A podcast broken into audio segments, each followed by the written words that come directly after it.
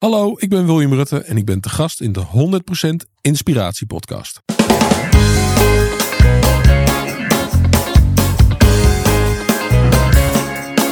Hey, wat goed dat je luistert. Hij staat weer voor je klaar. Je wekelijkse dosis inspiratie is weer daar. De allerleukste gasten geven al hun kennis prijs. Met je veel te blije host, hij praat je bij. Zijn naam is Thijs. Thijs,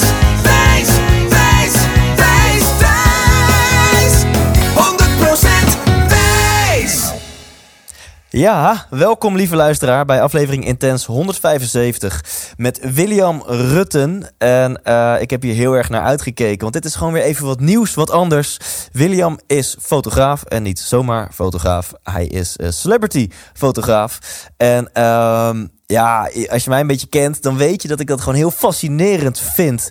De, ja, de rich en de famous, hun levensstijl, hoe zij um, omgaan met thema's als geluk en succes. Hè? Want ze hebben succes, maar ervaren ze ook geluk. En um, ja, daarom kan ik me in dit interview ook gewoon niet inhouden om allerlei vragen te stellen daarover aan William. Uh, hij heeft in zijn studio in Schravenzande de grootste sterren op aarde. Van Usher tot Robbie Williams, tot Britney Spears, tot Beyoncé, uh, tot, tot, Justin Timberlake. Heeft hij gewoon in zijn studio gehad. En uh, we gaan smullen van, van die verhalen. En we gaan natuurlijk de link leggen naar het thema van deze podcast, naar geluk en succes. Uh, dus ga ervan genieten. We hebben een paar technische difficulties in het interview. Dus soms dan merk je dat de geluidskwaliteit even iets minder wordt. Uh, maar dat mag de pret niet drukken. Want William Rutte deelt gewoon hele, hele mooie, waardevolle verhalen. Dus William bedankt. En jij als luisteraar ook bedankt. Hier is William Rutten. 100% Thijs. Ja, William. Zitten we dan? Box. Om te beginnen, bam.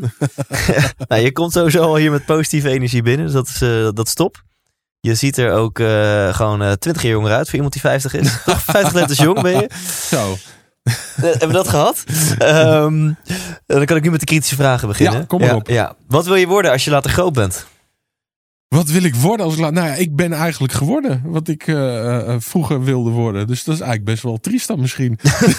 nou ja, nou ja, als je jeugdfoto's van mij ziet, zie je mij al heel snel lopen met camera's. Ik heb volgens mij al foto's van mezelf toen ik 8, 9 jaar was dat ik al met camera's liep. En dat is nooit opgehouden. Dus ik ben letterlijk uh, geworden wat ik wilde worden als kind. En, en is die passie dan... Want ik wilde eigenlijk vragen, wanneer is die passie ontstaan? Maar als ik jou zo hoor, dan die passie is er gewoon altijd geweest. Vanaf het moment dat je kon praten. Nou er lagen altijd camera's in huis. Mijn vader was cameraman, maar die had ook fototoestellen. En ja, dat ding heeft altijd mijn, mijn nieuwsgierigheid getrokken. Dus ik heb altijd ja, lopen klooien met dat ding. Dat was natuurlijk nog met filmpjes. Dus ja, ja dat was toch al een soort magisch boxje of zo. Daar deed je dan een dingetje in. En dan, daar kon je dan mee klikken. En dan moest je leren hoe het licht was. En dat bracht je dan weg. En dan kwam er ineens een strookje uit waar dan uh, dingen op stonden waarvan je niet gelijk kon zien wat het was. En dat moest dan weer ontwikkeld worden en dat werd dan weer een foto. Ik vond het bijna magie. Ja. En als kind vind je dat natuurlijk heel interessant. Ja, en, en, maar is het dan echt zo dat jij op je achtste al bezig was met belichting en zo en foto's maken? En, nou, en, ja, of, kijk, als, als je acht bent, ben je daar niet mee bezig. Maar langs, steeds meer groeit die interesse. En dan komen de kant-en-klaar cameraatjes waarmee je klik, klik. En dan ga je vriendjes en vriendinnetjes fotograferen. Ik heb heel veel foto's van vriendjes en vriendinnetjes. Dat we aan het spelen, dat we oorlogje aan het spelen zijn. Dat we groepsfoto's, die deed ik dan op de zelftimer. En dat heb ik allemaal nog. Dus ik was daar ja, enorm mee bezig. Zonder dat ik doorhad. Want ik dacht altijd van fotografie. Ja, dat, dat is een hobby. Daar kun je niet van leven. Dus ik, ik dacht altijd, ja, ik, ik moet wel een vak leren. Dus ik ben eigenlijk fotografie gaan doen als hobby. En toewerkend naar ja, de grote mensenbaan die ik ooit zou moeten gaan doen. En, en dat en... was in mijn geval cameraman, want dat was mijn vader. Dus dat werd me als het ware een soort van ja, uh, ingeprent en uh, een soort van die richting opgeduwd. Van nou, jij wordt ook cameraman. Ja, dat is altijd het antwoord geweest als de juffrouw aan jou vroeg: William, wat wil je worden als je later groot bent? Ja, dan zei ik cameraman, maar diep van binnen ja, vond ik fotografie veel leuker. Ja, en daar wil ik het zo meteen echt meer over hebben. Hoe je dan uiteindelijk ja, soort van bent doorgebroken toen uh, het goede doel vroeg: wil onze album moest ontwerpen. Maar dan gaan we het zo over hebben. Als ik aan het hier en nu, de, de William die het nu tegenover mij zit, vraag: wat wil je worden als je later groot bent? Wat, wat, wat voor antwoord komt er dan in je op?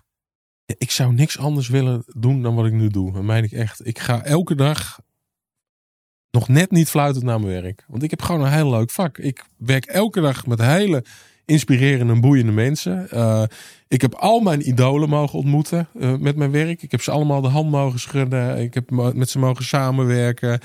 Ik kan me echt, meen ik echt, echt geen leukere baan voorstellen dan mijn eigen baan. Ik zou echt gewoon niks weten. Je kan honderd dingen opnoemen en ik zou het allemaal niet willen worden, denk ik. Ja. En, en ben jij dan een geluksvogel? Of zeg je nee, ik heb er gewoon hartstikke hard aan gewerkt. En als andere mensen dat doen, zo hard werken aan hun passie, dan gaan zij ook succes bereiken. Nou, kijk, de tijden zijn natuurlijk wel veranderd. Dus ik weet niet of het nu nog zo makkelijk is. Toen ik begon, waren er niet uh, eh, 10 eh, miljoen fotografen.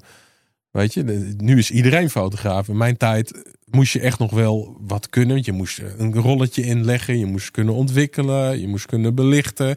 Dat hoef je allemaal niet meer te kunnen, want je ziet nu gelijk wat je doet. Dus het is veel makkelijker geworden. Maar ik ben er nog wel van overtuigd dat als jij echt iets wil, dat het moet kunnen. En ik ben daar een levend bewijs van. Want ik heb niet eens mijn school afgemaakt, weet je. Dus, dus ik ben gewoon iets gaan doen. En, en, ik had een droom en ja, die heb ik voor mezelf kunnen verwezenlijken. Ja, want dat is misschien een mooi bruggetje. Jij was geloof ik 16, 17 toen, uh, toen je dus voor het goede doel die albumhoes mocht ontwerpen? Nou ja, ik mocht hem niet eens ontwerpen. Uh, uh, wat er gebeurde was, ik, ik was als, als jongetje ooit begonnen bij Doe Maar. Dat reisde ik achterna door het land om stiekem foto's vanuit het publiek te maken. Gewoon vrijwillig, zeg maar. Je, je, was eigenlijk gewoon een stalker. Nou ja, ik was gewoon een fan. Ja, en, ja, ja, precies. ik vond het leuk om dan alleen niet te schreeuwen tussen de meisjes. Maar ik vond het leuk om foto's van die jongens te maken. Want dat vond ik heel boeiend. En via uh, Doema kwam ik weer bij, uh, ging ik weer naar uh, Leiden bij Queen naar binnen om daar foto's te maken. En bij InXest en bij Iron Maiden en noem maar op, alle grote bands van die tijd. Maar allemaal, want nu heb je zo'n door policy dat je krijgt nog net je iPhone naar binnen. Maar toen... nee, toen moest je ook smokkelen hoor. Semi-illegaal, je, had hem zeg maar rectaal een camera ingebracht. En, nou ja, gewoon onder je armen, ja, onder je bovenarmen plakte ik ze met gaffer tape. En als je gefouilleerd werd, deed je arm in de lucht. En ze voelden altijd op je lichaam, maar nooit op je armen in die tijd. Dus ja, zo smokkel ik het naar binnen. Ja, Gewoon een wat grotere jas aan. Ja. Maar ja, dat, zo kwam ik eigenlijk uh, ook met het goede doel. Ik was, was ook een grote goede doelfan. En ik, uh, ik fotografeerde hun concerten. En dat viel op. En op een gegeven moment kreeg ik leuk privécontact met de jongens. En uh, mocht ik mee op tour. En aan het einde van die tour had ik een, een collage gemaakt. Heel kinderachtig. Met een schaar. Al mijn foto's uitgeknipt. Op elkaar geplakt. Een soort collage daar weer een foto van gemaakt. En elk bandlid gaf ik zo'n collage als dank dat ik mee mocht die tour. En toen zei een van de bandleden, nou, dat is eigenlijk wel hartstikke leuk. Misschien kunnen we daar wel iets mee met ons komende uh, live album. En toen werd ik uitgenodigd op gesprek bij de platenmaatschappij. En uh, ja, die man die vond het zo fantastisch. Die, die zei van, joh, we hebben er de hoes van gemaakt. En binnenin staan ook al jouw foto's. En ja, we gaan je daar 2000 gulden voor betalen. En het was natuurlijk in die tijd verschrikkelijk veel geld voor iemand die nog uh, ja, plus, van op school zat. Waarschijnlijk als hij had gezegd, je moet 10 je moet tien gulden toedoen, had je het ook nog gedaan? Ik het ook. Als hij had gezegd, betalen er niks voor, had ik het een fantastische eer gevonden. Maar uh, ja, ik had wel natuurlijk een heel mooi verhaal gelijk naar mijn moeder. Want die wilde heel graag dat ik terugging naar school. En ja. Uh, ik, ja, dit was voor mij het ultieme bewijs om te laten zien van... nou, kijk eens maar, je kan hartstikke goed je geld verdienen in die fotografie.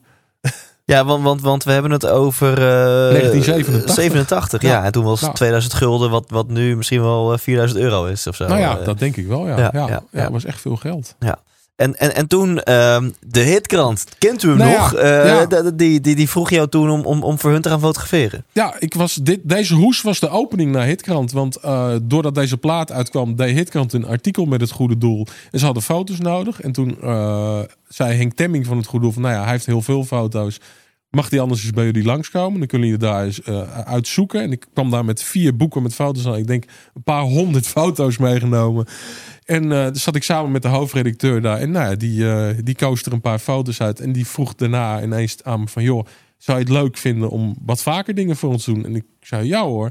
En toen kreeg ik eigenlijk twee dagen later al mijn eerste opdracht. Dat was eh, VOF De Kunst had een prijsvraag met er mogen vier lezers mochten naar optreden komen in Chinees met hun eten.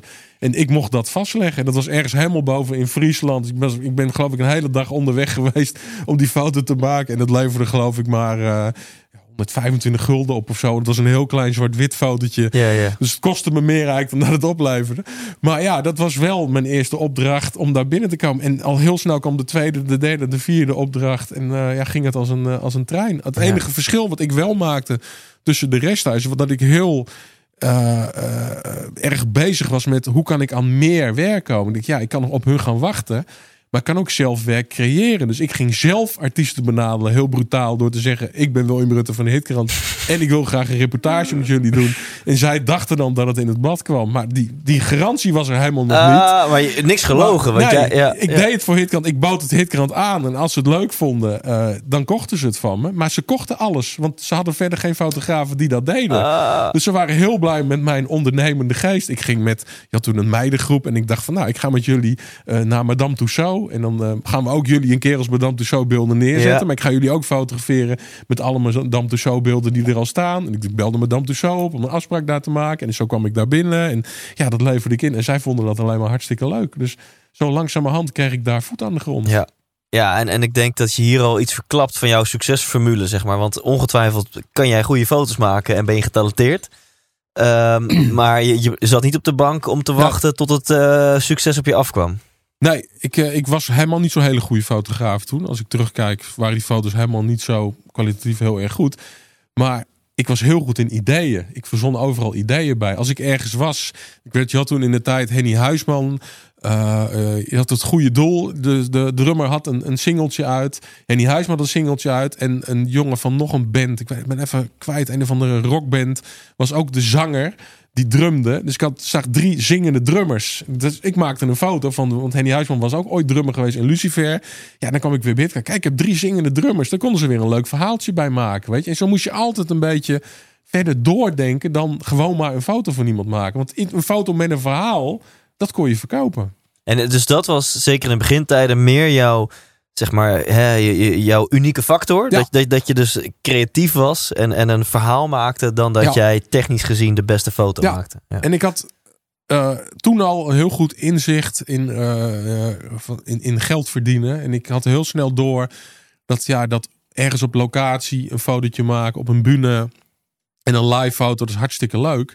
Maar ja, dat kan je alleen maar in Nederland verkopen. En ik zag altijd die coverfoto's van al die artiesten. En al die artiesten kwamen toch naar Nederland. Ik dacht en ik zat altijd bij Countdown. Had ik, in het programma maakte ik daar foto's. Ik dacht, joh, als ik hier nou eens gewoon een studio setje opbouw, die spullen koop, dan kan ik iedereen voor mijn eigen achtergrondje foto's. En dan heb ik A, direct contact, face-to-face contact. En B, heb ik foto's die ik over de hele wereld zou kunnen verkopen. Want zo'n witte achtergrond, of een bruin of een rooi is universeel. Weet je, Ja. dat kan je over de hele wereld kwijt. Je ziet niet waar het gemaakt is.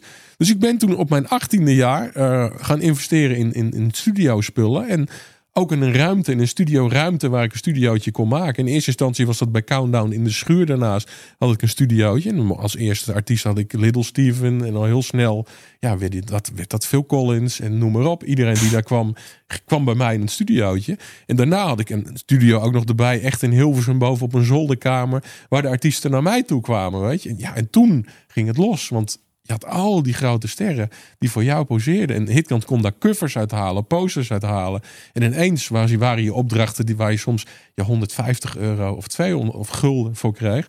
Was nu ineens 750 gulden of 1000 gulden voor een poster, weet je. Dus ineens stroomde het geld binnen Ja. op die manier. Dat was een grote investering die ik moest doen. Want ik moest natuurlijk een, een, een, eh, Hasselblad camera kopen. 6 bij 6 want je had grotere negatieven natuurlijk nodig.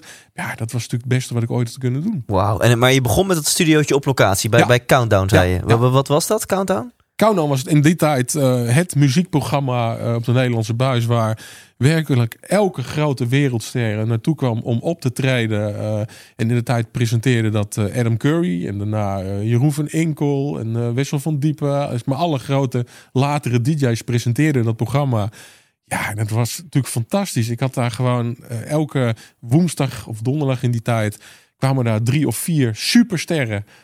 En die kon ik gewoon fotograferen. Want die kwamen gewoon om promotie te doen. Om een nieuwe singeltje te promoten. Maar van David Bowie tot Paul McCartney. Iedereen kwam bij Countdown. En, en hoe is dan jouw relatie met die, met die artiesten? Als jij een David Bowie of een Paul McCartney fotografeert, is het even, even super kort en vluchtig. En, en als ik hem vijf minuten later interview, dan weet hij niet meer wie hij was. Of heb je echt even quality time en maak je echt even contact Wisselend. met elkaar? Hoe, hoe, hoe is Nou ja, dat? dat, is, dat is, in die tijd was het veel meer quality time. Want in die tijd kreeg je gewoon een kwartier of een half uur. En was je ook leuk met elkaar aan het praten en dat oude horen. Tegenwoordig is dat allemaal heel vluchtig. Je moet tegenwoordig blij zijn als je een wereldster een minuut mag fotograferen. Weet je, dan is er natuurlijk nul contact. Of is vaak het handje geven en het praatje voor is nog langer dan, dan de foto die je maakt. Maar in die tijd, ja, ik ben met mensen, ik ben met Duran Duran op stap geweest. Ik ben met NX6 mee op tour geweest. Dat, ja, dat is onbeschrijfelijk. Je ging uit eten met die mensen. Je ging stappen. Je ging leuke dingen doen. Eh, dat was een hele, hele bijzondere tijd. Dat, dat, dat zou nu ondenkbaar zijn.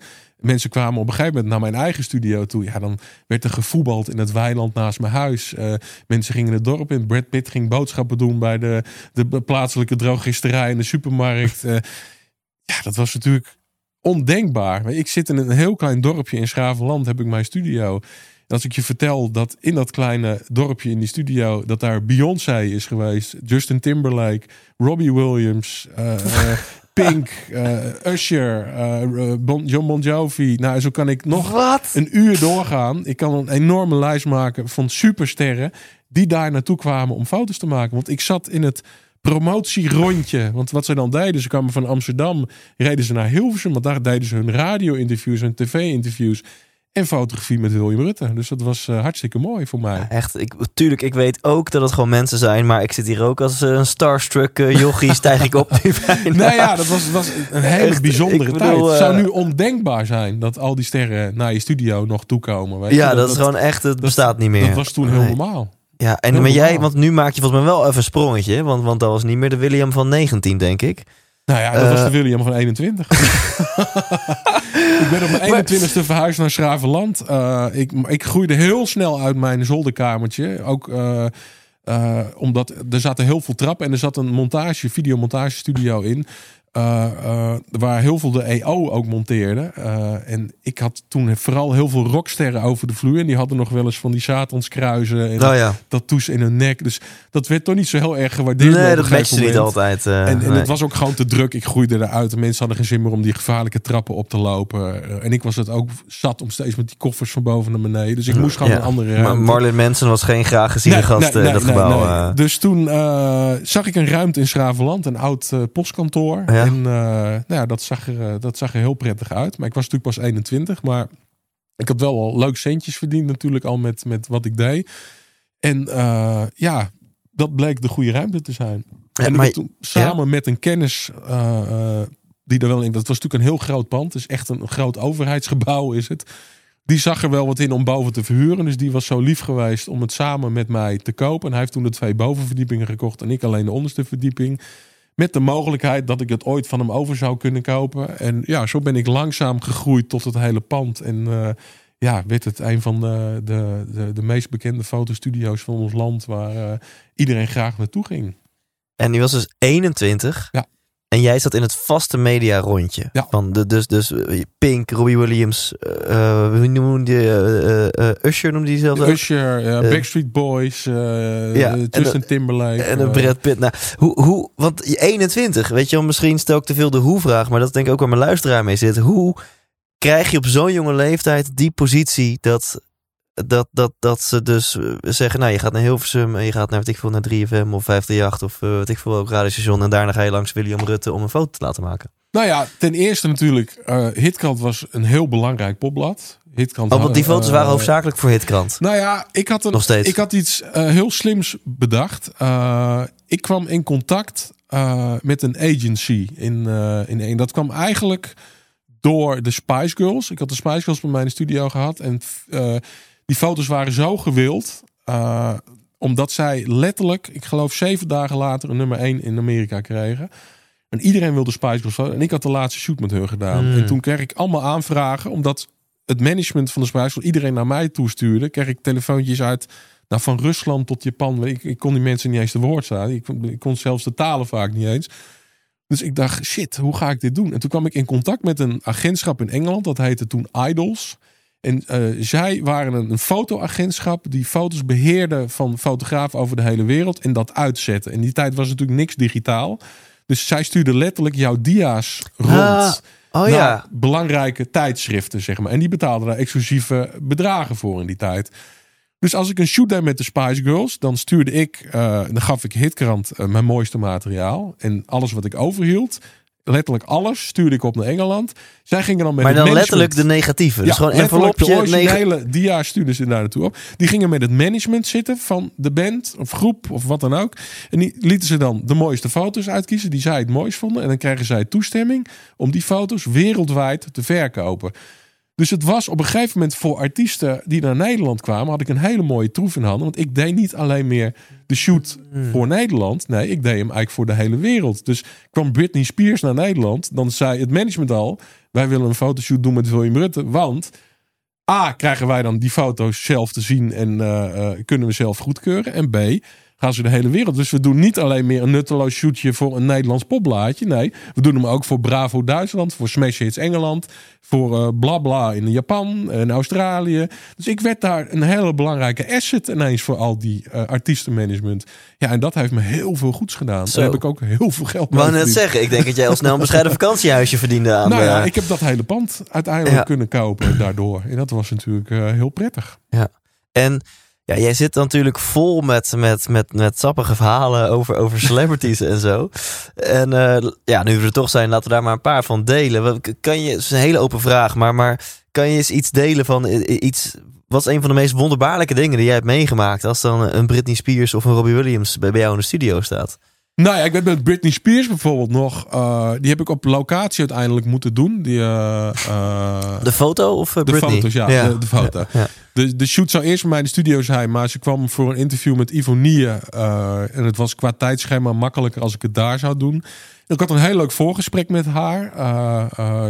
wat we zouden gaan doen. Ik zou het voor Veronica Magazine doen en voor Hitkrant. En daarna natuurlijk voor de hele wereld. Eh, en eh, ik mocht dus zelf met haar wat kleding uitzoeken. Ze had wat hele toffe pakjes bij zich die ze voor een videoclip ook En, en we hebben het echt over de Hit Me Baby One More Time. Echt, echt in die periode. dat is echt ze net als toen net die hele grote hit had ze gehad. Ja. En dat was toen de, de tweede hit zouden aankomen. Of had toen misschien net de tweede hit uit zelfs. Sometimes was dat geloof ik. Met het tweede hit. Ja, ja, met die clip eh, die Blink-182 later belachelijk Oké, maakte. Maar ja. dat terzijde. Maar, ehm, dus ik had heel leuk met haar kleding uit. Best wel sexy kleding. Wat voor Veronica Magazine natuurlijk wel tof was. Want ze zou op de cover komen. En we hadden voor Hitkrant een wat sportiever setje. Eerst ging ze een interview doen. En tijdens het interview begon ineens Ivonie over haar eh, eh, vermeende eh, borstvergroting. En wat haar opinie erop was op meisjes die ja, borstvergrotingen deden. Waardoor ineens het hele interview omsloeg. Ook haar humeur omsloeg. de paniek uitbrak bij het management ook van... oké, wat de fuck gebeurt hier? Dat was echt totaal niet de bedoeling. Het was ook niet waar trouwens. Ze had ook helemaal geen borstvergroting laten doen toen. Eh, ja, en dat was voor mij even slikken. Want toen, ze kwam helemaal pissed off natuurlijk die ruimte uit. En ze had ook geen zin meer om zich om te kleden. Dus zij wilde alleen nog maar die ene set aanhouden... die ze al aan had bij het programma... Want eh, ze wilde al helemaal niks doen waar eh, de borst te veel in beeld was. Om het te veel te accentueren.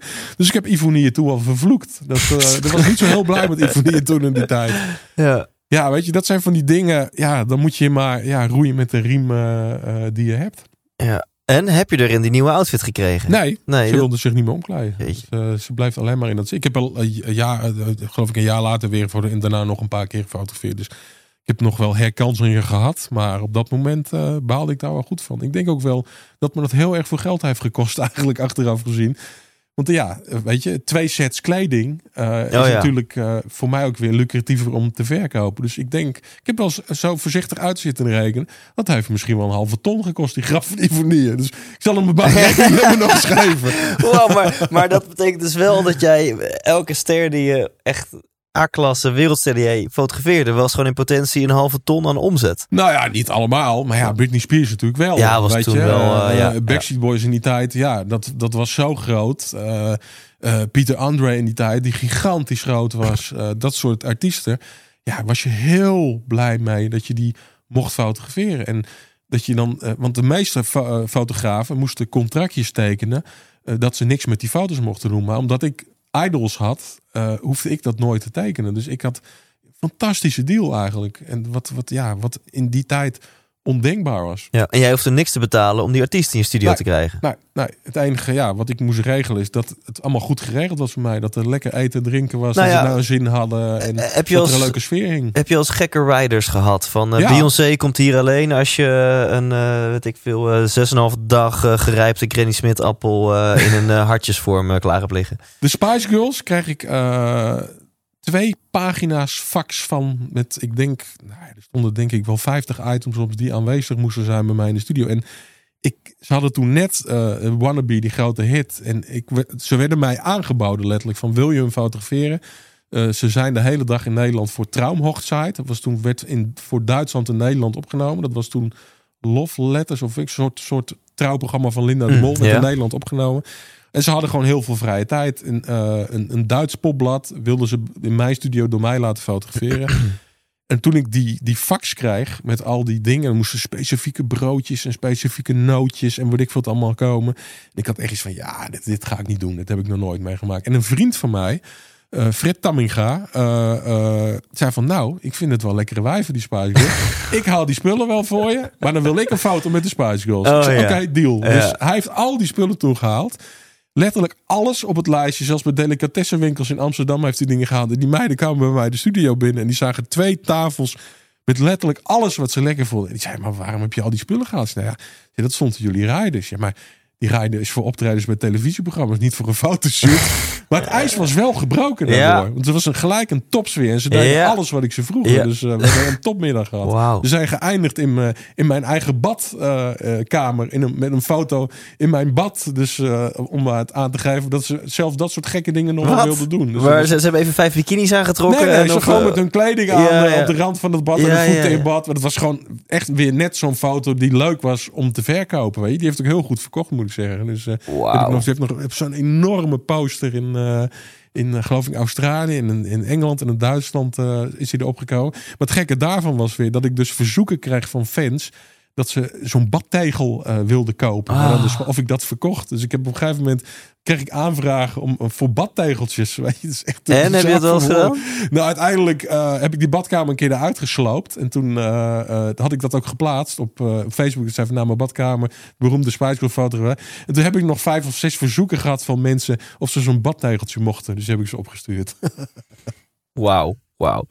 En ehm, het, oh, trouwens, ook voor een televisie- televisieprogramma is nog, nog steeds 50 verschillende items qua eten en drinken. Is nog steeds wel vrij extreem eh, natuurlijk. Maar het, ja, het gebeurde. Ik weet nog een keer dat Mariah Carey bij Countdown was. En een enorme eisenlijst. Ook speciale caviar en bla bla bla. En het, het- alles stond daar. En ze bestelde vijf pizza's. Ah, Die werden opgegeten. Dus. Ja, en dat het was voor ons wel leuk, want daarna gingen wij dan met de hele crew dan al die dingen lekker opeten. Ah, Dan ging ja. caviar proeven, wat dan duizend gulden geloof ik per potje was. Eh, dus dat was Nou, wel heel ja. grappig. Ja, nou toevallig. En het wordt een beetje een celebrity podcast nu. Maar we gaan het zo meteen ook over, over vakinhoudelijke dingen hebben. Maar ik, vind, ik smul hier ook wel van. Eh, ik ken degene die artist handling bij Ziggo Dome doet. En die vertelde dat toen Mariah Carey daar speelde... dat ze zelfs bepaald hoogpollig tapijt in de kleedkamer Ja. wilde. Hè? Dus een bepaald type en een bepaalde hoogpolligheid. Nou ja, weet je, kijk, wij moeten één niet vergeten. Eh, eh, ik ben een keer op Prince zijn hotelkamer geweest. En, en eh, wat mij opviel, was dat alles helemaal aangekleed was in zijn kamer. Had allemaal doeken en een speciale toestand. En toen sprak ik de persoon die dat voor hem deed. En wat zij deden was, hij had ook zijn eigen matrassen, zijn eigen beddengoed. Kijk, ik vond het eigenlijk toen hij me dat uitlegde, snapte ik dat wel. Je bent een, een, een, een jaar, twee, drie jaar op reis. Hoe lekker is het als je op één plek komt die altijd een beetje hetzelfde is. Dat waar op dezelfde hoek de piano staat, waar je op je eigen lekkere matrassen ligt, je eigen lekkere beddengoed. Weet je, buiten dat eh, eh, eh, soms kamermeisjes waren die het beddengoed dan pikten van bijvoorbeeld een Michael Jackson en dat verkochten aan fans of noem maar op, weet je. Dat sluit je dan meteen al uit. Maar is het ook gewoon lekker dat je een, een warm, cozy plekje hebt waar je s'avonds terechtkomt, waarvan je weet van nou, weet je, dat, dat is mijn plekje, daar kan ik me in terugtrekken. Dus, en, en dat is natuurlijk een kleedkamer ook. Dat is wel jouw sacred, veilige plekje op dat moment waar je gewoon ja, even wil uitrusten voor een optreden. Dus ik kan me best voorstellen dat je dat een beetje aangekleed wil. Nee, ik, ik ben het helemaal met je eens, ja. Dus dat, dat ook, eh, ehm, nou, ook bijvoorbeeld dit hoogpollig tapijtverhaal van Mariah Carey. Ja, ik snap het wel. Eh, in eerste instantie vond ik het belachelijk en later dacht ik precies wat jij zegt van ja, dat- ja het is, qua duurzaamheid heb ik er wel mijn bedenkingen bij, want het is gewoon zonde. Maar sowieso is de hele showbizwereld qua duurzaamheid. Ja, maar ik denk, eh, weet je, zo'n ding lenen ze en dit brengen ze vaak gewoon weer terug, joh. Weet ja, je, laten we dat, daar eh, maar vanuit gaan. Dat gebeurt wel. Ik denk niet, dat zal niet weggegooid worden. Dat zal dan aan iemand gegeven worden. Of, eh. Dus dat, eh, nee, Laten we dat maar hopen. Dat, dat iemand nu gewoon zijn salontafel op het hoogpollig tapijtje van Mariah Carey heeft staan. dat zal vast gebeuren. Dat wordt echt niet in de container. Hey, en, en jij hebt dan, eh, kijk, ik ontmoet de celebrities in Nederland, jij natuurlijk ook, maar jij hebt ook dus al die wereldwijde celebrities ontmoet. heb je dan geleerd dat je op een bepaalde manier met hen om moet gaan? Nou, ik vind je moet een celebrity vooral een celebrity laten zijn. Weet je, en, en uh, met hun nukken soms, en met hun uh, sterallures. En uh, ik, ik heb altijd geleerd, ik heb vaak fotografen gezien die zich belangrijker vinden dan het onderwerp wat ze fotograferen. Daar heb ik nooit last van gehad. Ik, ik vind mezelf niet belangrijker dan het onderwerp die ik fotografeer. En dat heb ik, zou ik niet hebben als ik jou moet fotograferen. Dat heb ik ook niet als ik Donald Trump moet fotograferen. Weet, dat zijn voor mij zijn het gewoon mijn onderwerpen. Maar ze zijn wel belangrijk voor mijn foto. Dus ik wil graag dat zij zich prettig voelen. En als ik het dan moet ontgelden op een of andere manier, joh, so be it. Als ik mijn foto maar krijg. En uh, uh, ik hoop dan dat ze naar huis gaan met een fantastisch leuk gevoel. Dat ze een leuke dag of middag hebben gehad. Dat ze blij zijn met het uh, resultaat. En dat is voor mij het enige telt. En, en je zegt dus je moet celebrities lekker celebrity laten zijn. Dus bedoel je daarmee dat je, dat je toch een beetje moet laten merken dat je ze wel op een voetstukje plaatst? Nee, dat hoeft helemaal niet. Maar je kan ze wel laten voelen dat je ze waardeert in wat ze doet. En ik vind ook helemaal niet. Uh, uh, ik, weet, ik, ik heb wel fotografen ook die zeggen van ja, je moet zeker geen fanboy zijn. Je moet wel helemaal niet. Je moet op gelijke voet met ze zijn. Vind ik onzin. Ik hoef helemaal niet op gelijke voet met ze te zijn. Ik, als ik iemand fantastisch vind, ben ik daar helemaal niet te beroerd voor om dat te zeggen. Dat ik hun laatste plaat geweldig vond. Of, ik heb ook altijd, bijna altijd wel de muziek geluisterd van degene die ik ging fotograferen. En dat vond ik het ook wel leuk om te zeggen van joh dat derde nummer, dat vind ik het te gek uh, nummer. Je merkt dan ook meteen dat ze merken dat... Een soort respect is. En maar ook dat je ze waardeert om wat ze doen. En, en dat je het geluisterd hebt, dat je ze in ze verdiept hebt. Ik vind dat niet meer dan normaal. Weet je, voordat ik naar deze podcast ben gegaan, heb ik ook even snel ja. één podcast geluisterd. Omdat ik wel minimaal moet weten waar het om gaat. Ja. Ik vind het een beetje respectloos om hier te gaan zitten. En dan dat ik helemaal niet weet wat ik hier doe. Ja. wat doe ik hier dan? Weet je? Dus, dus, en dat vind ik ook bij een artiest, iemand fotografeer ja, dan vind ik wel dat je minimaal even mag, uh, mag uh, verdiepen. Bij de Golden Globes uh, fotografeer ik heel veel filmsterren. En als het even kan, ga ik van tevoren al die films bekijken van de mensen die ik ga fotograferen. Omdat ik het heel leuk vind om te zeggen van nou, vond een fantastische film. Of uh, ik vond ja. die scène heel mooi. Of, want je merkt ook dat het iets voor je doet. Je merkt dat die mensen weten dat jij je even in hun verdiept hebt. En dat ze niet het zoveelste persoontje zijn dat je even voor je lens krijgt. Maar, bij mensen vliegt nu de popcorn door de kamer. jij, hebt de, jij bent een van de fotografen van de Golden Globes. Ja. Waar, eh, wat is het, 200 miljoen mensen live naar kijken. Hoe, hoe, werkt dat? Is dat zo dat, dat, een catwalk dingetje van tevoren waar al die artiesten over of al die filmsterren overlopen die dan mag fotograferen? Of hoe, hoe is die setting? Nou, die setting is als volgt. Uh, uh, het is een heel groot evenement. Dus er zijn heel veel momenten waar je foto's kan maken. Je hebt het binnenkomstmoment, je hebt het aankomstmoment, je hebt het zaalmoment, je hebt het podiummoment, je hebt het backstage moment, je hebt de feestjes. Je hebt heel veel momenten. En, en uh, ik concentreer me altijd uh, uh, op het, op het, aankomstmoment en het backstage moment. Dat zijn de twee dingen die ik veel vastleg. En ja, dat is super tof om te doen. Weet je, überhaupt dat je daar binnenkomt. Ja. De, de, het is een vast select gezelschapje van fotografen. Ik heb het nu uh, afgelopen keer voor de 27ste keer gedaan. dus 27 jaar houdt dat in. Dus wow. dat, uh, wow. Ja, dat is iets heel bijzonders nog steeds. Weet je, dat je überhaupt. Ik moet altijd zeggen, van tevoren zit ik er altijd een beetje tegenaan te hikken. Want het is echt heel hard werken. Dus echt, uh, mijn rug kan op een gegeven moment gewoon niet meer. Je staat letterlijk vanaf 1 uur s middags tot, uh, tot uh, eh, 9 uur s avonds keihard te werken. En al die mensen en iedereen probeer je, kant op te trekken en probeer je voor je lens te krijgen. En, uh, dus het is iets heel bijzonders. Maar het, ja, het is toch best bijzonder dat je daar als Nederlandse fotograaf tussen. Want ja. het is nog nooit een andere Nederlandse fotograaf gelukt. Wow. Dus dat is wel te gek. Wow, ja, en ik vind Ricky Gervais, die, die het vaak aan elkaar mag lullen, vind ik helemaal fantastisch. Ja, en uh, wat ik net al tegen jou zei, een paar weken geleden had ik mijn grootste optreden ooit. Beatrix Theater, 1500 mensen. En het werd ook gefilmd met, met camera's. En misschien komt het wel ergens op een platform of op tv. Ja, ik, ik scheid aan alle kleuren van fuck, fuck, dit gaan misschien wel tienduizenden mensen zien. En die, die Ricky Gervais, die, die, die praat dat gewoon ogenschijnlijk nonchalant aan elkaar. Terwijl er alleen al live 200 miljoen mensen naar kijken. Ja, maar kun je misschien ook iets vertellen over daaromheen? Want jij maakt natuurlijk ook die repetities en backstage en zo mee. Nou ja, kijk, Rick Gervais uh, heeft ook repetities. En die repeteert dit ook uh, een dag van tevoren en nog op de dag zelf. En worden de grappen gecheckt en of het wel werkt. En hij is een van de weinigen overigens die, die echt zijn grappen zelf schrijft. er zijn ook andere mensen geweest die met, ik weet met Sacha Baron Cohen, die heeft een, een schrijversteam mee. Die, ja De, de- Ricky doet dat echt zelf. En die overlegt dat nog wel met wat mensen om zich heen. Maar hij is wel echt zelf verantwoordelijk voor zijn grappen. Maar hij is natuurlijk ook gewoon zenuwachtig en blij als het erop zit en als het goed is gelukt. En ik spreek hem dan naast, daarna op zo'n feestje nog wel eens. Ja, dan is hij echt eh, opgewekt dat het voorbij is, dat het allemaal goed is gegaan. Want ja, je kan natuurlijk ook op 200 miljoen mensen op je bek gaan natuurlijk. Of als Ja, maar niet ik vind lekker dit valt. kicken, want dan... Terwijl ik dus zelf ook, nou ja, soms artiest ben, eh, als ik op het podium sta, eh, eh, heb ik dan toch het idee als ik hem zo zie bijvoorbeeld, ja, maar hij is dan zo nonchalant met zijn biertje, denk ik, ah, het interesseert hem gereed, Ja, hij is hè? ook een acteur. Weet je, dat biertje is natuurlijk ook weer een act. Weet je, natuurlijk hoopt hij ook dat het goed valt. En natuurlijk weet hij ook dat hij met bepaalde grappen misschien weer geen vrienden maakt. Ik weet dat Tom Cruise bijvoorbeeld niet wil komen als hij presenteert, omdat hij weer dan foute Scientology grappen gaat maken of zo. Weet je, dus ja, het ligt natuurlijk ook wel heel gevoelig dat hij er is. Alleen hij heeft wel een soort trend gezet. Ja. Voor hem deed niemand dit soort humor. eh, bij dit soort evenementen, weet je, eh, keihard mensen veroordelen die voor je in de zaal zitten. Heeft, is hij echt de trendsetter mij, eh, mij geweest? En ja, ik vind het, ik kijk er altijd naar uit als hij dat weer doet. Weet je, dat, Ja. dat, dat- hij, hij is daar de koning in. Ja, en, en hierna ook, heb ik echt wat tof vragen ook over geluk en succes aan je. Maar ik vind het zo gaaf. Kan je, kan je eh, eh, want volgens mij in Amerika is het celebrity wereldje gewoon nog tien keer zo gek dan hier in Nederland.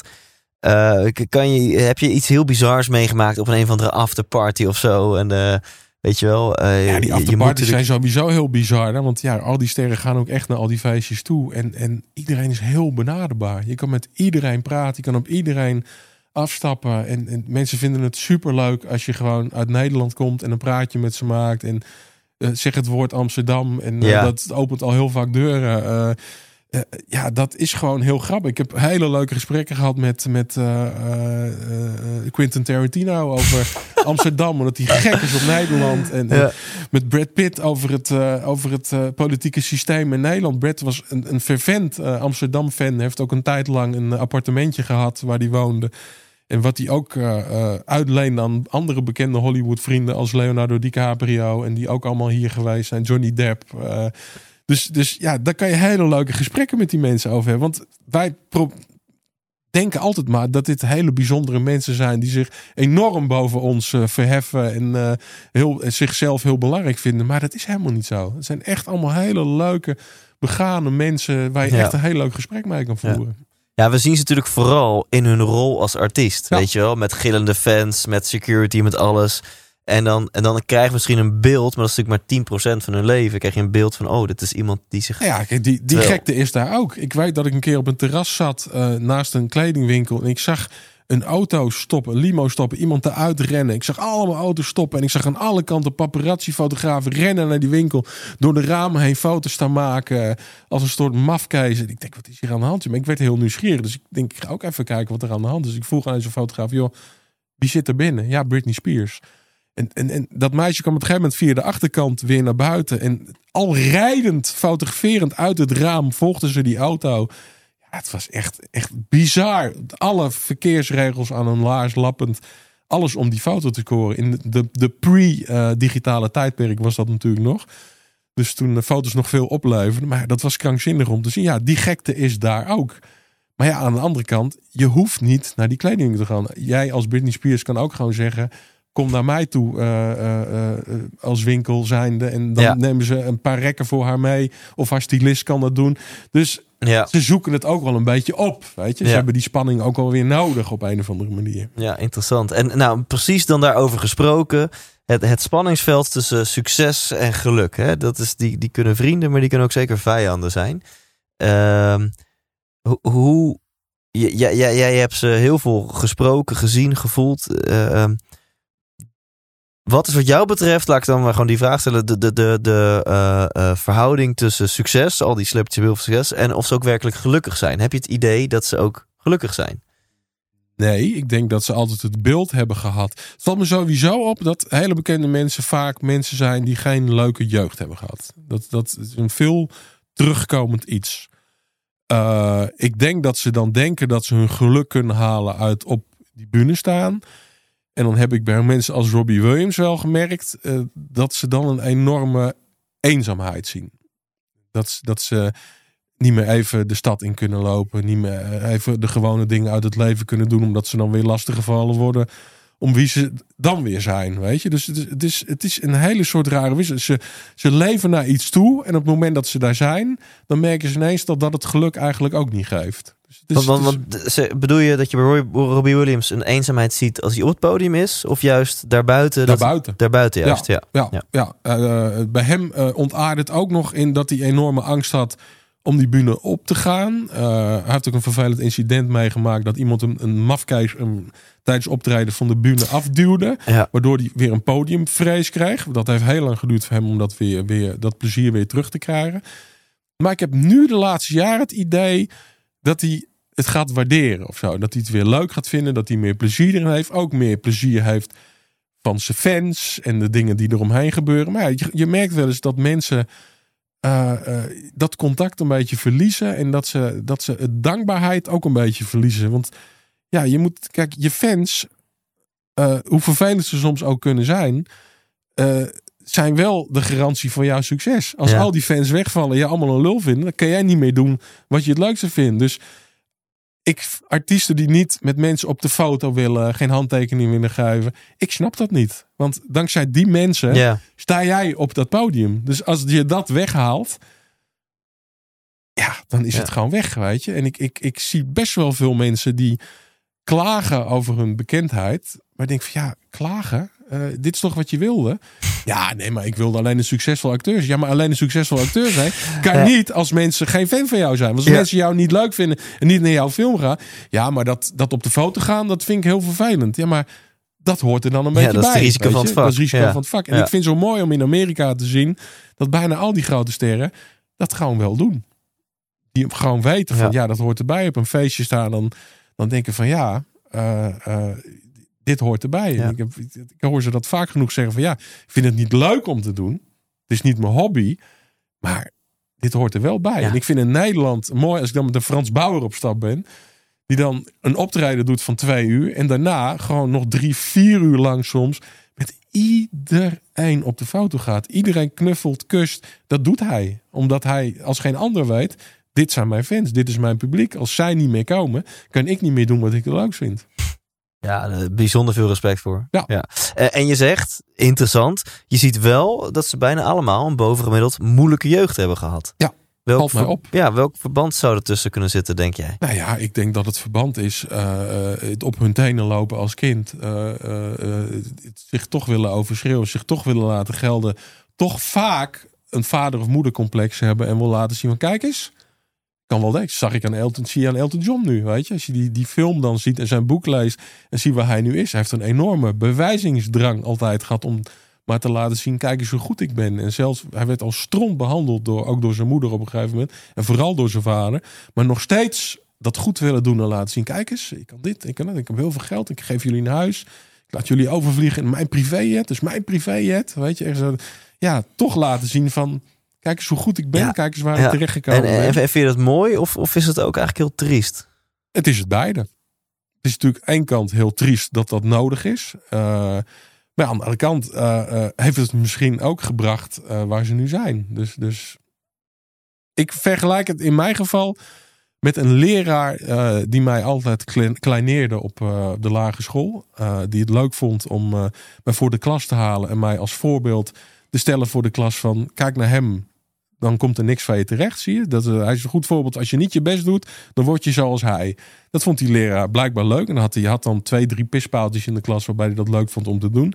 Toen deed me dat wel pijn. En ik vertelde dat ook thuis. En, eh, eh, maar ik realiseerde mij niet, als ik nu terugdenk, van dat ik denk van wat een klootzak joh. Dat je dat deed, weet je. Als volwassen man.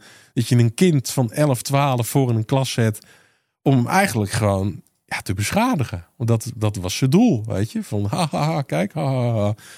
Dus, eh, maar ik denk nu achteraf, misschien heeft het mij ook wel extra gemotiveerd om te laten zien van, oh, en ik heb hem nog wel eens klem gereden met mijn auto toen ik wat ouder was. Eh, eh, en het goed met mij ging en ik een mooie auto had gekocht en moest ik hem toch even aanhouden en zeggen van, joh, er kwam toch niks van mij terecht.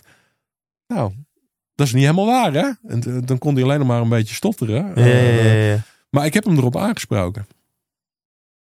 Dat moest vond ik zelf. Ja, en ik, maar eh, en, en ik vind het knap dat je zegt, ik vind het geen klootzak. Terwijl je dit verhaal vertelt. Ik heb toevallig net iemand geïnterviewd die heeft het over hoe het onderwijs er eigenlijk uit zou moeten zien. En, en dit, dit, je bent toch een klootzak als je dit doet? Ja. Als je iemand van elf voor de klas zet. Kijk Nou, jongens, eh, als je niet je best doet, dan eindig je zoals William. Ja. Voor hetzelfde geld had jij onder het viaduct met wat eh heroïnenaalden geëindigd. Om met je eigenwaarde... Ja, nou goed, daar, ben- daar ben ik te sterk voor. Maar ik- misschien als ik, als ik slap was geweest. eh, eh, nou ja, het- ik, ik vind het vrij ver gaan. En ik heb dit verhaal wel eens een keer op, op eh, Facebook gezet. En ik vond het grappig dat mensen uit mijn klas reageerden. Die Ah. zich dat konden herinneren inderdaad. En ook een meisje die dat ook was overkomen bij hem. Maar ook mensen uit lagere klassen. Dit was een patroon bij hem. Dat, dat, dat, hij had dat, dat nodig op een of andere manier.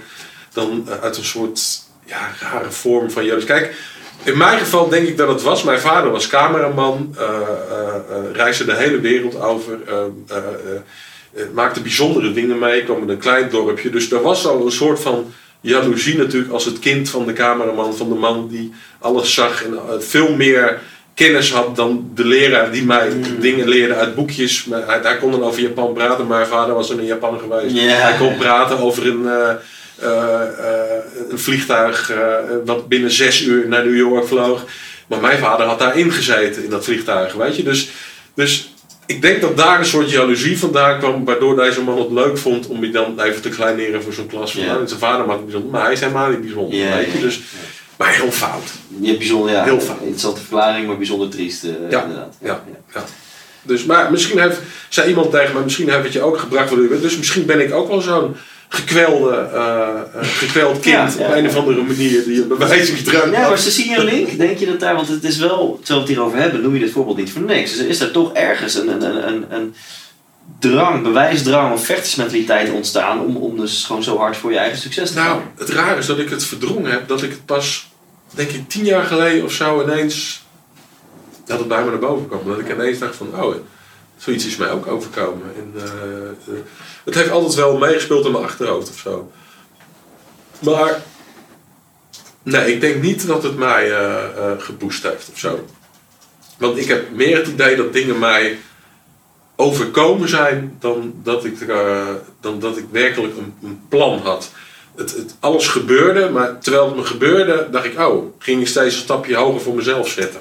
Ja, en dit, dit is interessant, hè? want aan de ene kant, je, je, hebt, je hebt van je hobby je beroep gemaakt. Ja. Dus, dus je hebt wel heel goed, ge, voordat je een richting hebt gekozen, heb je wel iets gedaan waar je goed in bent en waar je lol, plezier uit haalt.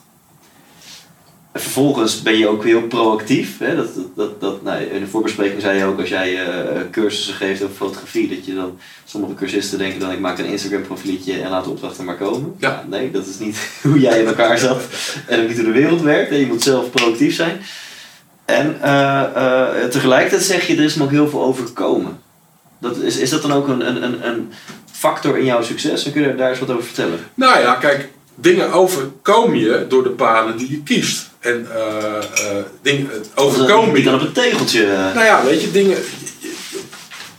Ik ben ervan overtuigd dat dingen je overkomen, om, om, ja, dat je daar echt zelf voor kiest. Dat je echt paden kiest van, oké, ik ga die kant op, dan zou dit me kunnen overkomen. Alles wat mij is overkomen, heb ik wel zelf gecreëerd. ja. Je moet dingen wel creëren voor jezelf.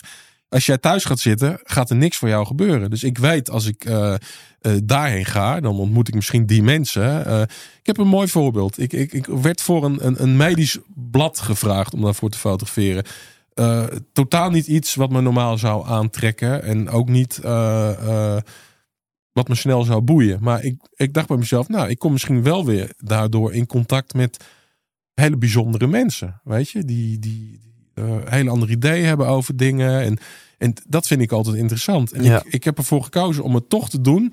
Terwijl al na twee klussen ik eigenlijk, ik, ik had twee, de eerste twee mensen waren helemaal niet leuk. En eh, best wel ook heel arrogant en deden echt naar tegen me. Het voelde zichzelf boven me verheven en boven iedereen verheven. Toen dacht ik, hmm, misschien moet ik er toch maar mee stoppen. En ik, ik dacht, nee, ik ga er helemaal niet mee stoppen. Ik ga dit doorzetten. En nu de laatste vier keer heb ik alleen maar hele leuke mensen gehad. En, en wordt het ook steeds leuker. En ik kan me steeds meer verdiepen in die mensen. En eh, eh, komen er nu ook hele leuke klussen weer uit voort.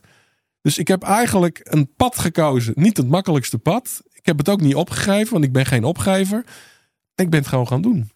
En eh, hetzelfde voorbeeld is, ik ben nu met een hele grote expositie bezig, eh, die eind maart eh, in Museum Hilversum komt. Ik heb mezelf de taak gegeven om 75 hele bekende mediamannen te fotograferen. In de ruimste zin van het woord, van politici tot sporter, tot eh, presentator, acteur. En eh, toen ik dit verhaal aan Humberto Tan vertelde eh, en het wat proefjes had gemaakt, toen zei Humberto tegen mij van joh, je moet gewoon een lijstje voor jezelf maken met hele moeilijke namen. Proberen of je die als eerst kan krijgen. En ik dacht, nou, dat is eigenlijk wel een slimme. Dus ik ben een lijst gaan maken met namen als Louis van Gaal, eh, Matthijs van Nieuwkerk, Jeroen Pauw, Herman van Veen. Dat zijn mensen die bijna nooit iets doen. Die je nooit in een blad bijna ziet staan. Nee. Of die bijna nooit interviews geven. Of lastige mensen. Ik dacht, die zet ik op mijn lijstje. En ik ga die mensen benaderen. Eh, en Rutger Hauer trouwens stond ook in dat lijstje. Eh, dat waren de vijf namen die voor mij leidend waren of dit een succes zou worden. En ik had een eh, specifieke manier van fotografie eh, daarvoor bedacht. Eh, best confronterend, ook heel close. Ik had dat gezien bij een expositie van Martin Schuler. Die had mensen heel close gefotografeerd. Maar ik miste daar iets. Ik wilde het confronterende hebben. En ik wilde meer dat het om de ogen zou draaien. En ik wilde alles wat daar buiten om zat, wilde ik weg laten vallen. Geen kleding, geen nek. Nee, het hoofd, het masker. Het masker van de bekende mens, waar we het altijd over hebben. Die heeft een masker op. Ik wilde dat masker nu eens heel gevoelig en groot eh, eh, vastleggen. En ik ben achter die moeilijke naam aangegaan. En het ging eigenlijk als een kieviet. Ze, ze zeiden allemaal ja. En ze, vonden het allemaal een leuk idee en een mooi idee. En met die vijf namen, zeker met Louis van Gaal, had ik een, had ik een ingang. Weet je, de, Louis van Gaal had meegedaan. Dus Louis van Gaal mee. Die heeft een, mensen moeten een kooltrui aan van deze foto. Die deed een kooltrui aan, weet je, echt zo. Dat was voor mij perfect. En met die naam kon ik verder borduren en, en grote namen vragen. En, maar het was zo'n lang traject van een jaar dat ik heel vaak bijna opgaf. Maar ik had voor mezelf bedacht, eh, ik ga een, eh, omdat ik zelf ook op een gegeven moment het niet meer zag zitten, omdat te veel eh, afspraken op een gegeven moment weer werden bijna afgezet. En weer dit en weer dat en weer zus en weer zo. Dus ik had een foto van anderhalve meter groot van Louis van Gaal die ik gemaakt had in mijn woonkamer opgehangen als, als, als, als middel om mezelf te pushen. En als Ja. ik de woonkamer binnenkwam, dan keek Louis van Gaal me elke ochtend aan en zei letterlijk tegen me: Kom op, eh, William, slap je aan eens doorzetten. Ja, Kom ja, op, even doorzetten, man. En dat heeft voor mij heel goed geholpen. Ik had die stimulans nodig. Dus zonder dat hij dat weet, was hij mijn mental coach op dat moment. Want hij was voor mij de juiste persoon daarvoor. Ja. En elke dag zei mijn zoontje: Papa, wanneer gaat die boze meneer van de muur af? Want daar hing een hele mooie naaktfoto van Kate Moss. Maar ik had Louis van Gaal nodig om, eh, om me te pushen. En hij heeft me er echt doorheen getrokken. En ik heb het nu af. Ik moet nog één iemand fotograferen. En in maart gaat het dan daar hangen. Bij, bij deze zeg ik ja, William. Ik vind het grote eer. En, eh, Gerrit Joling is de, de laatste die ik maandag oké. schiet. En dan eh, is het klaar. ja, Gerrit Joling is de laatste die je schiet.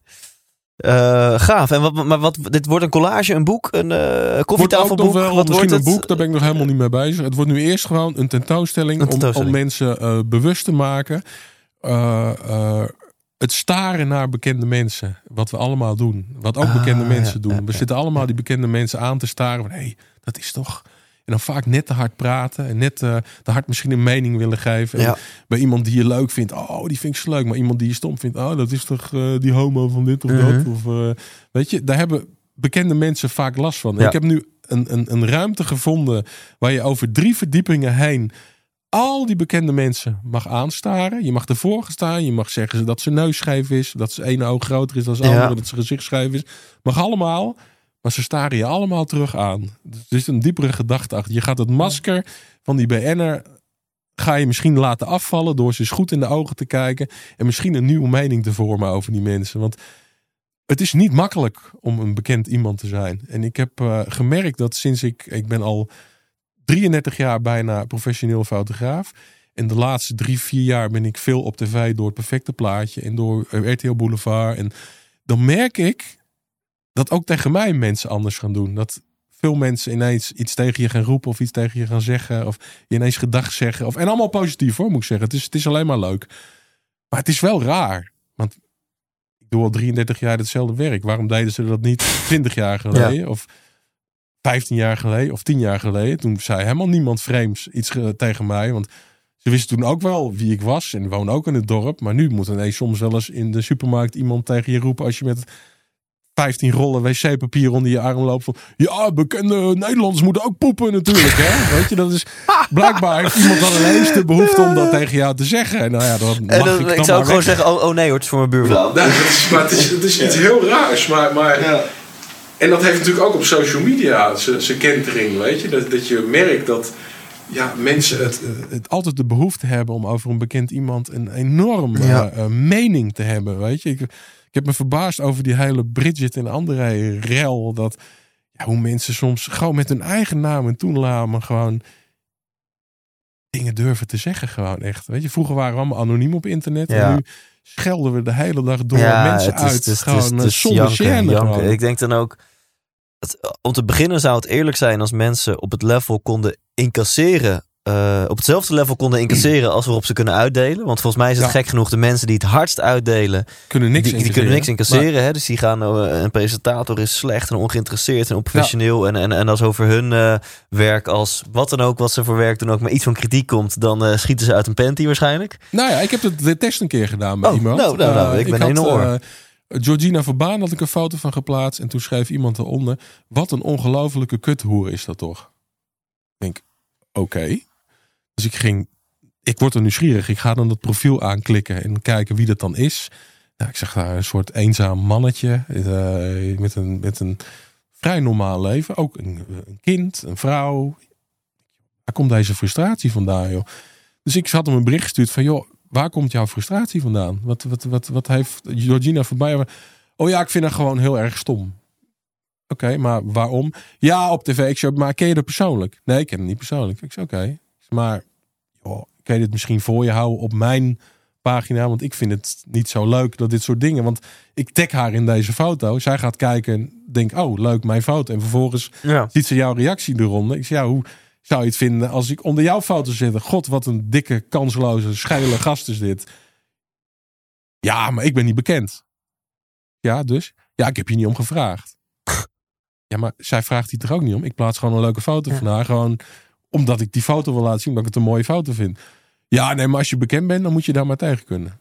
Weet je, mensen die snappen niet dat dit ook gewoon mensen zijn. Die ook gevoelens hebben. En dan mag je er misschien gewend aan raken, sommige mensen. Maar dat is eigenlijk al erg. Dat je Ja. gewend moet raken aan dat mensen Ja. jou stom vinden omdat je op televisie bent. Ik kan daar nog Het, steeds ja, niet het bij. is, ik denk echt dat bekendheid romantiseert, misschien zelfs erotiseert, waardoor aan de ene kant mensen jou ontiegelijk op een voetstuk gaan plaatsen, wat ook niet altijd even terecht is, want je bent maar gewoon mens. Ja. Aan de andere kant dat er een groep mensen is die even vergeten dat je, ik denk oprecht dat ze vergeten dat je mens bent. Dat ze denken, oh je bent, je bent geen product. mens, maar je bent een product, je bent een persoonlijkheid. ja. Eh, eh, en, en dat ze vergeten dat daarachter gewoon een ziel zit Ik en, en, wel, en emoties. Ik snap En- het ja. wel. Dat, we- hetzelfde geval dat sommige mensen... eh, ik moet heel erg lachen. Ik, ik werd op straat door een vrouw... Hey William! En ik ben heel goed in naam onthouden. eh een gezicht onthouden, maar heel slecht in naam onthouden. Ja. Ik zat echt die te joh, ik, ik, ik, Ja, het kan me toch wel ook wel weer bekend voor. Dus ik denk, hey! Dus ik geef er drie dikke zoenen. En ze oh ja, maar ik ken je eigenlijk helemaal niet. Oh, Ja. waar ken je me ervan? Ja, nee, ja, ik zie je op tv en ik volg je op Instagram. We, zijn- we zijn vrienden op ja, Instagram. ja, ja, ja. We zijn natuurlijk helemaal geen vrienden op Instagram. Maar, maar inderdaad, ik had daar wel eens ergens zien reageren. En daar kende ik haar daar, haar gezicht dus van een keer. Ik had daar een keer aangeklikt of zo. Maar dat, dat wil dus wel aangeven, ja, dat mensen op tv eh, komen, dat, dat gewone mensen dan die, die niet op tv komen, dat die dan vaak een soort connectie voelen of zo. Eh, eh, dat, ja, dat ze je denken te kennen omdat ze je op tv zien. Ja. Dat is iets heel raars natuurlijk. Wat, wat net zo raar is, is dat ik eh, voor het eerst bij de eh, RTL-presentatie kwam, waar ik altijd tussen de fotografen normaal gesproken zou staan. En nu stond ik ineens tussen het Nee. groepje presentatoren en mensen die op tv waren. En dat een presentator tegen me zei: Ja, nu ben je een van ons. Ja, ja. En toen- ik En hoe zei- was dat? Ik zei, oké, ik zei, een van ons. Ik zei, oh, dat, dat klinkt heel eng. Ja, zei, ja, ja, dat, ja. dat klinkt niet goed. En Nee. hij, moest, hij bedoelde dat natuurlijk sarcastisch. Ja, ja, ja. Maar dat, dat was natuurlijk heel vreemd. Ineens hoorde ik bij het andere Ja, klikje. jij, loopt natuurlijk ook wel zo'n rode loper op en dan staan je collega's daar eh, de grote William Rutte te fotograferen. Nou, dat was heel raar. De eerste keer dat me dat gebeurde was bij die RTO-presentatie. En ik, het zweet liep over mijn rug. Ik vond het zo... Ik probeer eigenlijk altijd... Ik ga niet heel vaak naar eh, presentaties en dingen. Maar ja, het, het rare is, ik was, kwam toen voor die David Bowie eh, musical, waar ik voor uitgenodigd was, eh, de Albert Verlinde. Dus ik wilde wel heel graag ja, gaan. Ik vind het wel zo netjes als je... Je wordt natuurlijk ook wel voor dingen uitgenodigd waar je de fotografie voor hebt gedaan. Ja. Dus het is dan netjes dat je... om- Maar ik probeer eigenlijk altijd de rode loper te vermijden. Maar ja, dan komt de organisatie naartoe zegt... Ja, we zouden het wel heel leuk vinden als je die rode loper doet. Maar Maar ik denk niet dat zij zich realiseren dat dat voor mij extra ongemakkelijk is. Nee. Want daar staan collega's met wie ik al jaren te maken heb. Moet ik nu ineens zo gaan staan? Oh ja, jongens, alsof ik heel graag op de foto wil. Maar ik wil helemaal niet graag op de foto. Maar Ja. ik snap wel weer dat zij heel graag willen dat je dat voor hun doet. Want voor hun is dat Ja, het- promotie, weet je, Ja. voor het stuk. Dat ze weer misschien schrijft iemand er dan wat over. Of, het, het is, Dus het je, je, je, je, bent een lieverd, dus je doet het voor hun. Maar het Je liefst, het hun, het liefst zou jij eh, het doorlopen. Nee, ik vind het helemaal niet leuk om die rode loper te doen. Maar ja, aan de andere kant moet je niet zeiken. Want je wordt uitgenodigd daar in de Ja. hoop voor hun dat jij die rode loper en, en doet. heb je een beetje gewerkt aan jouw eh, glimlach op commando? Of, eh, Ik vind dat heel leuk. Ik heb, ik heb er nu pas twee rode lopers echt op die manier eh, gedaan. En de rest heb ik stiekem nog steeds Ja, via ja, de achterdeur of zijdeur proberen te vermijden. Want ik vind het gewoon heel ongemakkelijk. Ja. En ik merk dat mijn collega's het ook heel raar vinden. Ja. vo- Zij vinden het ook heel ongemakkelijk. Want het lijkt wel of ik mij ineens boven hun plaats. ja, ja, ik snap hem. Nee, Dus is ik weet nog de eerste keer dat ik dit meemaakte. eh, dat was even een ander verhaal. Dat was bij. eh, ik, sta, ik doe natuurlijk veel concertfotografie. Ja. En ik sta in de Ziggo Dome. eh, sta ik, kom ik aan bij een van de grote popstars. Ik weet niet eens meer wie het was. Volgens mij was het Lenny Kravitz. En er stonden meiden vooraan en die gingen mijn naam schreeuwen. eh, want ze wilden met mij een selfie maken. Maar ik sta tussen mijn collega's, met wie ik sommige al 30 jaar in die fotopit sta.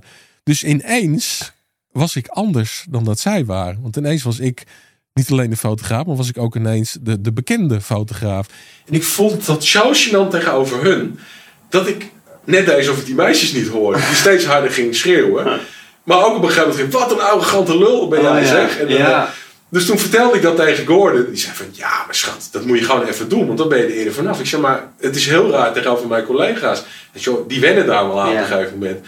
En nu eh, eh, zijn ze dat gewend dat het af en toe wel eens gebeurt. En is het omgedraaid, hebben ze medelijden met me. Dat Oh, ze- ja, ja. zeggen ze van, ach, dat is wel van irritant zeg steeds. Ja. Stonden ineens bij U2 in de Ziggo of in de Arena, moesten daar lang wachten. Ja, dan komen daar natuurlijk de mensen die durven, zijn dan vaak net de mensen die een beetje zijn aangeschoten. Die dan, en ik, ja, dan moet je ineens met, met vijf, zes verschillende mensen op de foto. Vaak als één iemand het ziet doen, dan Ja. komt de ander ook. Ja, ja, ja. Ja, en nu hebben zij iets van, oh, dat is best wel lastig. Want ik sta dan wel eens bij een evenement tussen het publiek. En dan gaan mensen, terwijl je die drie liedjes mag fotograferen, je aantikken. Hey, kunnen we een foto maken? Ik zeg, joh, mag het zo even? Want ik ben nu even... Oh, eh, eh, ja, voel je het te goed? Ja, maar ik ben aan het werk. Dan kunnen we het even na die drie liedjes doen. Dan, weet je, het, brengt mij ook in een heel rare situatie. Ja, want het is gebruikelijk dat- je de eerste drie liedjes mag je foto's maken en daarna moet je ja. oprotten. Ja, Ja. Wat ik altijd opmerkelijk vind, want als artiest, je bent er na een tijdje, zit je er pas echt lekker in. En bij- bij concerten in de buitenlucht, pas het laatste half uur is het donker. En dan zie je de special effects, weet je wel. Ja, maar bij die eerste drie nummers ziet ze natuurlijk wel nog fantastisch uit. Dus zit de make-up nog goed, zit je haar nog goed. Dus, dus Ah, dat is het. en we zijn natuurlijk ook wel, staan wel tot last van het publiek. Weet je, die betalen veel geld voor een kaartje. Ja. En ja, als je dan vooraan heen en weer... Kijk, tegenwoordig mogen we niet eens vaak meer vooraan staan. Dan worden we achterin gegooid. En dan sta je met de 600 mm sta je doen. Dus die hebben minder last van ons. Tenzij dan weer andere mensen. Maar ik, weet je, ik vind drie nummers ook wel genoeg. Ik vind het wel goed. Hey, en dan tot slot, eh, in jouw leven. Eh, laten we beginnen met, met je passie voor fotografie. Wat, wat, wat maakt dat je het zo'n ontiegelijk gaaf beroep, fenomeen, concept vindt? Fotografie. Kan je daar wat over? Kan je, kan je die passie eens onder woorden brengen? Nou, in mijn geval, wat ik heel gaaf vind, is dat ik iets maak in mijn kleine studiootje in Schravenland. En ik dan Las Vegas binnenkom rijden en het daar heel groot op een billboard. Een Nederlandse DJ's die staan. is Of een foto die ik in Schravenland heb gemaakt. Of een foto van Brad Pitt die ik in mijn studio maak. En die dan in, over de hele wereld covers van bladen haalt. Ja, het is iets... Dat, dat went nooit. Weet je, nog steeds als ik eh, in een oude platenzaak loop en dan dat je oude LP-hoezen vindt die je 25 jaar. Ja. Je, je maakt iets onsterfelijks op een of andere manier, weet je. En alle mensen die ik fotografeer, die, die, ja, die, die blijven op een of andere manier bestaan en die leven voort. En je doet een shoot met Anthony Kamerling, die eh, blijkbaar een van zijn laatste studio shoots dan die hij gedaan heeft. En hij overlijdt. En, en dan ja, die foto's blijven verder leven, weet je. En dat, dat vind ik iets heel moois aan fotografie. Dat, en ik spaar zelf ook uh, foto's van bekende fotografen uit het buitenland. Dan heb je wel eens, ja, ik een hele mooie foto van de Beatles die in 1965 geschoten is door die fotograaf. Die toen zich nooit had kunnen bedenken dat hij dan uh, 50 jaar later bij William Rutte in Schravenland aan de muur zou hangen, weet je. Dat is zo mooi aan mijn tak van de fotografie en al die bekende mensen die ja, legendarische dingen doen en zullen voort blijven leven. En, ja, je schiet een stukje geschiedenis. Dat vind ik heel mooi. Maar betekent dat dat als dit onderdeel is van, van het feit dat jij er zoveel voldoening en energie uithaalt, zou jij dan minder gelukkig zijn als fotograaf als je uh, tulpen fotografeert? Ja. Of, uh, ja. Nou, ik heb letterlijk echt ja. deze kant gekozen. Ja. Dit, dit is wat ik wil doen. Ik wil, uh, uh, ik wil niet dat mijn foto's er niet meer toe doen op een gegeven moment. Ik wil dat mijn archief, dat ik dat kan nalaten aan mijn twee kinderen. En dat zij daar misschien nog hele mooie dingen mee kunnen doen. Ik heb uh, Terry uh, O'Neill, een hele bekende fotograaf, vorig jaar ontmoet. En die vertelde mij dat hij doodging. En hij is ondertussen overleden. En die man heeft een fantastisch archief nagelaten voor zijn familie, voor zijn gezin. En die heeft iets onsterfelijks achtergelaten. En die heeft heel veel dingen nog gesigneerd voor zijn dood. En dat wordt nu voor duizenden euro's wordt dat verkocht. En ik denk dat hij op die manier zich heel mooi erbij heeft kunnen neerleggen dat hij, dat hij dood is gegaan. Want hij heeft, hij heeft iets nagelaten, weet je, ook voor zijn gezin. Ja. En iets, ja, iets, iets wat, wat, wat uh, niet te omschrijven is, weet je. Dus dat, lijkt me heel mooi, ja, als ik gewoon dit alles wat ik nu heb opgebouwd, dit keiharde werk en dat bijna nooit thuis zijn, uh, uh, zeven dagen in de week maar aan de slag zijn.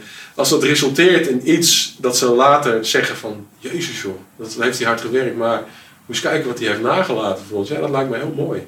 Ja, ik denk dat dit uh, gesprek mensen ook echt wel direct of anders indirect inspireert om, om ook van hun passie hun beroep te maken, zeg maar. Van nou ja, weet je, ik heb de mazzel gehad. Ik heb, en dat, dat is die opvoeding het allerbelangrijkste in. Mijn moeder heeft mij de kans gegeven om dit beroep te gaan doen. Want als zij mij aan mijn school had gehouden, uh, had ik school afgemaakt, ik was helemaal niet goed op school, ik heb geen diploma's, niks. Dan had ik waarschijnlijk tot mijn 21 nog op school gegaan. Had ik bij Hitkant aangebeld en dan was ik die 21 jaar in plaats van dat schattig 17-jarige jongetje. Want al, had ik er al heel anders ingestaan. Alle sterren die ik fotografeerde als 17, 18, 19-jarig jongetje. Uh, uh, een Paul McCartney die, je, die, die hem in je kleedkamer laat omdat je nog zo'n jong gastje bent. De kaarten waren heel anders geweest. Mijn moeder heeft mij die kans gegeven om het te ontwikkelen. En al die moeders die nu misschien luisteren en die vaders die luisteren, die een creatief kind hebben, die niet zo goed is op school, dat ben ik. Ik was het creatieve kind die nergens goed meer was, alleen maar in creatieve dingen. Dingen organiseren, uh, foto's maken, dat soort dingen vond ik leuk. Dat is ook, kan ook leiden tot een heel mooi beroep. Weet je, mijn moeder heeft me nooit gestimuleerd om negens of tienen te halen. Joh, zes was ook voldoende, zei ze dan. Weet je? En dat stimuleerde mij alleen maar ja. in hele andere dingen doen. En ik hoop in godsnaam maar al die pusherige ouders, die waarschijnlijk het beste willen voor een kind, maar misschien helemaal niet doorhebben dat hun kind helemaal niet gelukkig is met wat ze moeten doen. Ik heb altijd het geluk gehad dat mijn moeder en mijn vader is op 16-jarige leeftijd overleden. Dus dat heeft misschien ook gepusht om dingen te doen die, nou letterlijk, dat heeft mij gepusht. Want ik heb letterlijk op de dag dat hij stierf uh, gezegd, ik ga nooit meer iets doen wat ik niet leuk vind. En dat heb ik ook nooit meer gedaan. En, en ik, maar ik denk wel dat dat heel belangrijk is. Dat je dingen gaat doen die je leuk vindt. En je zult inderdaad soms misschien... Ik heb het geluk gehad dat ik geen dingen heb hoeven doen die ik niet leuk vind. Dat, dat zal misschien nu ja. een stuk makkelijker of moeilijker zijn. Maar ga in godsnaam iets doen wat je leuk vindt. En ga anders iets erbij doen wat je leuk vindt. En ga misschien op die manier dan proberen. Weet je, fotografie is op dit moment misschien wel het allermoeilijkste vak. Dat, want iedereen is fotograaf. Dus niet veel geld om te verdienen. Maar als het je zoveel voldoening geeft, doe het er dan bij. Weet je, doe het naast je vak in het weekend of s avonds. Ga dan proberen van die hobby iets uit te bouwen. En je hebt heel veel mogelijkheden om via internet je werk te laten zien. En wie weet zegt iemand ineens van, wauw, die gozer is goed. Of die, die meid is ja. goed. Dan willen, die willen we wel eens boeken. Want die, die maakt foto's anders dan wat anderen doen. En dan kun je misschien op die manier langzaam je vak ervan ja. maken. Gaaf. Ja, wat mij betreft een prachtige slotspeech aan het eind van het interview. We gaan zo nog even verder voor de premium leden met irritante vragen. Zoals wie was de minst leuke persoon die je ooit hebt gefotografeerd. Maar dat is uh, straks. Um, uh, ja, tot slot, je hebt nu al heel veel wijze woorden gezegd. Maar heb je nog een slot tip, wijsheid, inzicht, levensles voor de luisteraar voordat we gaan afronden? Nou ja, dat, dat wil ik toch mij zeggen, eh, ga doen wat je leuk vindt. Ga niet, eh, ik heb heel veel mensen om me heen die al jarenlang met buikpijn naar hun werk gaan, omdat ze denken dat ze niks anders kunnen. Ja, dit doe ik nou eenmaal. Blijf in godsnaam niet hangen in dingen die je niet gelukkig maken. En dat geldt hetzelfde voor ongelukkige huwelijken, ongelukkige banen, ongeluk met vriendschappen. Neem in godsnaam, durf afstand te nemen van dingen die je niet gelukkig maken. Want ik weet zeker, als je durft afstand te nemen van dingen die je niet gelukkig maken, dat je zoveel gelukkiger mens gaat worden. Ga nou in godsnaam voor je eigen geluk. Nou ja, ga voor je eigen geluk. En, en, en uh, uh, daar zul je soms resolute beslissingen in moeten nemen. Vergeet daarbij niet de mensen waarvan je houden. Ik bedoel, dat is wel belangrijk. Dus laat niet je gezin in de steek omdat jij, nee, ik, vind, ik, ik, ik kan daar het geluk vinden. Ik moet nu voor mezelf kiezen. Nee, dat zeg ik niet. Zeker niet. Maar ga wel dingen doen die je gelukkig maken. Amen. Box. 100% wijs! Ja, bedankt, bedankt voor het luisteren naar deze episode. En wat wel echt heel stom is, als je mij wat langer kent, dan weet je dat ik mega fan ben van Taylor Swift. En ik ben gewoon starstruck. En uh, zij is een soort van uh, godin uh, voor mij. Dus ik ben helemaal vergeten te vragen aan William of hij ooit Taylor Swift heeft gefotografeerd of heeft ontmoet. Dus dat, William, als je dit hoort, of als je het ziet, ik ga je bellen. Ik, ik, ik ga je nu bellen en ik wil even weten of dat jou ooit is gelukt. Um, maar goed, dat terzijde. Bedankt voor jou als luisteraar voor het luisteren naar deze episode. Um, vergeet niet om mij gewoon te gaan checken op Instagram. Want daar uh, deel ik ook af en toe wat over mijn uh, ontzettende uh, fangirl zijnde van Taylor Swift. Maar ik deel ook gewoon wat inspiratie en wat humor en wat luchtigheid. Dus check Thijs Lindhout op Instagram. Ik zit bijna op de 10.000 volgers. Ik verlang heel erg naar die swipe-up. Dus help me daarbij. Volg mij op Instagram, Thijs Lindhout. En William, bedankt. En tot volgende week. Leef intens.